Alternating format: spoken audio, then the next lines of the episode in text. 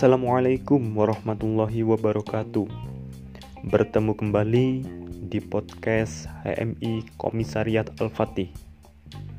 Sebelum podcast dimulai, eh, jangan lupa untuk teman-teman sekalian, sekarang masih masa pandemi.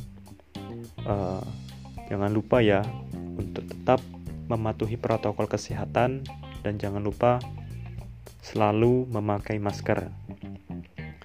Untuk uh, season kali ini akan membahas mengenai KMO.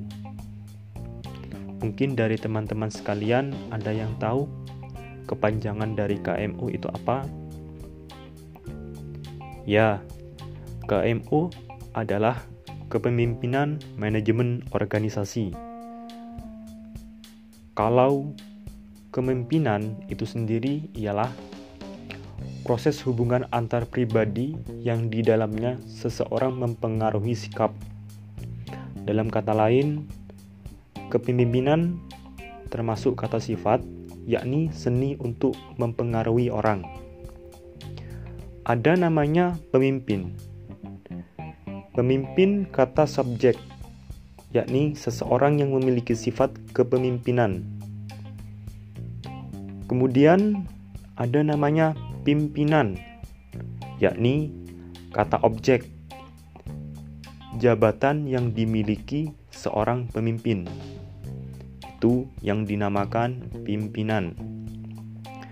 Dalam dalam kepemimpinan ada kalanya yang disebut dengan tipologi kepemimpinan, yakni gaya kepemimpinan. Apa saja tipologi kepemimpinan itu? Yang pertama, otoriter, yakni pemaksaan, atau bisa dibilang orang yang sangat egois. Yang ke yang kedua, yakni paternalistik apa itu paternalistik? Yakni mengayomi. Yang ketiga, karismatik. Yang di sini disebut dengan gaya kepemimpinan dengan daya tarik. Yaitu daya tariknya yang sangat memikat sehingga mampu memperoleh pengikut yang jumlahnya sangat besar. Dia sangat dikagumi oleh pengikut meskipun para pengikut tersebut tidak selalu dapat menjelaskan secara konkret mengapa orang tersebut dikagumi. Itu karismatik. Ada namanya laissez-faire, yakni mengikuti kemampuan kemauan bawahan. Yang terakhir namanya demokrasi Gaya demokrasi banyak diterapkan di berbagai negara, khususnya di negara kita, yakni negara Indonesia. Itu adalah gaya-gaya kepemimpinan. Kemudian, dalam sebuah kepemimpinan, yakni pemimpin, itu mempunyai sifat. Apa saja sifatnya? Yang pertama, sidik, yakni benar. Yang kedua, tablik, menyampaikan. Yang ketiga, amanah dapat dipercaya. Yang terakhir adalah fatonah cerdas. Dalam hal ini, pemimpin harus mempunyai sifat keempatnya itu. Tiada lain, keempat sifat itu adalah termasuk sifat dari Pak dari Nabi Muhammad, yakni panutan kita. Kemudian, dalam hal kepemimpinan harus mempunyai kualitas Salah satunya yakni harus mempunyai kualitas integritas. Kemudian antusias.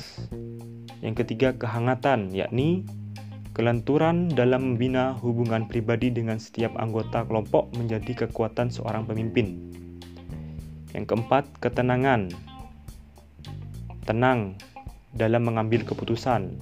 Yang terakhir adalah tegas dan adil. Hal ini harus dimiliki seorang pemimpin, sifat tegas dan adil.